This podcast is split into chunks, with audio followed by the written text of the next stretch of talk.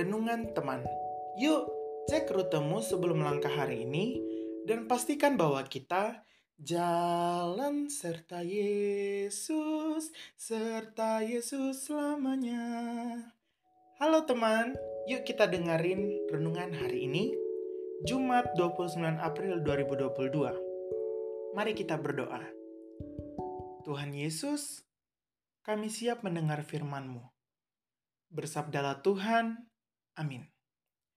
Pembacaan Alkitab pada hari ini terambil dari 1 Korintus 14 ayat 1 sampai dengan 12, 1 Korintus 14 ayat 1 sampai dengan 12 dengan perikop sekali lagi tentang karunia roh. Kejarlah kasih itu dan usahakanlah dirimu memperoleh karunia-karunia roh. Terutama karunia untuk bernubuat. Siapa yang berkata-kata dengan bahasa roh tidak berkata-kata kepada manusia, tetapi kepada Allah sebab tidak ada seorang pun yang mengerti bahasanya. Oleh roh ia mengucapkan hal-hal yang rahasia. Tetapi siapa yang bernubuat, ia berkata-kata kepada manusia, ia membangun, menasehati, dan menghibur. Siapa yang berkata-kata dengan bahasa roh, ia membangun dirinya sendiri, tetapi siapa yang bernubuat, ia membangun jemaat. Aku suka supaya kamu semua berkata-kata dengan bahasa roh tetapi lebih daripada itu, supaya kamu bernubuat. Sebab orang yang bernubuat lebih berharga daripada orang yang berkata-kata dengan bahasa roh. Kecuali kalau orang itu juga menafsirkannya, sehingga jemaat dapat dibangun. Jadi, saudara-saudara, jika aku datang kepadamu dan berkata-kata dengan bahasa roh, apakah gunanya itu bagimu jika aku tidak menyampaikan kepadamu penyataan Allah, atau pengetahuan, atau nubuat, atau pengajaran? Sama halnya dengan alat-alat yang tidak berjiwa, tetapi yang berbunyi seperti seruling dan kecapi. Bagaimanakah orang dapat mengetahui lagu apakah yang dimainkan seruling atau kecapi kalau keduanya tidak mengeluarkan bunyi yang berbeda? Atau jika nafiri tidak mengeluarkan bunyi yang terang, siapakah yang menyiapkan diri untuk berperang? Demikianlah juga kamu yang berkata-kata dengan bahasa roh jika kamu tidak mempergunakan kata-kata yang jelas, bagaimanakah orang dapat mengerti apa yang kamu katakan? Kata-katamu sia-sia saja kamu ucapkan di udara. Ada banyak, entah berapa banyak macam bahasa di dunia.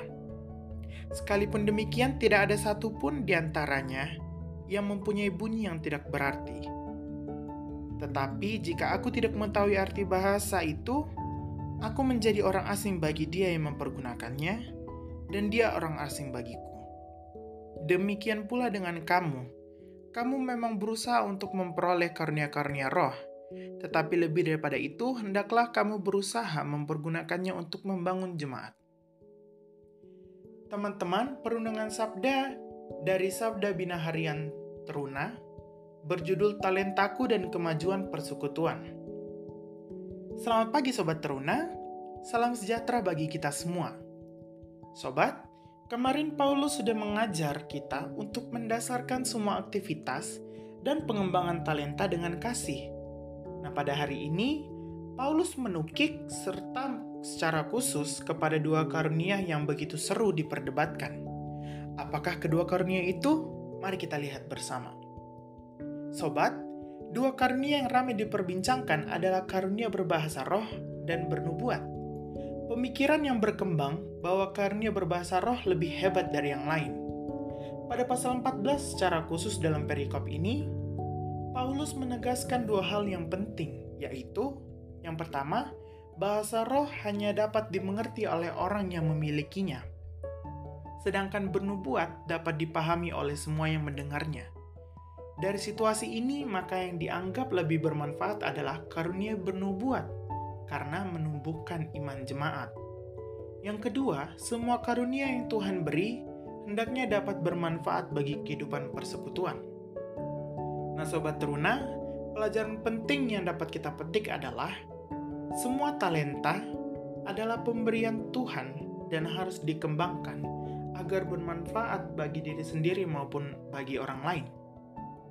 Yang kedua, Tuhan memberi kepada setiap pribadi beragam talenta, bukan untuk membuat kita sombong atau terjebak pada sikap membanding-bandingkan dengan orang lain.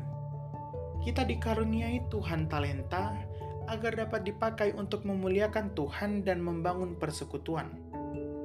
Jadi, jika sobat teruna suka bermain musik dan hal-hal yang terkait dengan teknologi informatika, menyanyi, membuat hasil karya seperti puisi, cerita, lagu, atau bahkan bakat lainnya, jangan sungkan untuk dikembangkan ya. Misalnya, menjadi tim musik, tim multimedia, atau bidang lainnya yang tersedia di gereja. Mari gunakan talenta kita selain untuk pengembangan diri dan kemajuan persekutuan, juga demi memuliakan nama Tuhan. Mari kita berdoa. Tuhan Yesus, terima kasih untuk talenta yang Kau beri kepada kami. Tolong mampukan kami untuk mengembangkannya demi memuliakan namamu. Amin. Teman, selamat menjalankan rutemu hari ini dalam pimpinan Roh Kudus. Tuhan Yesus memberkati.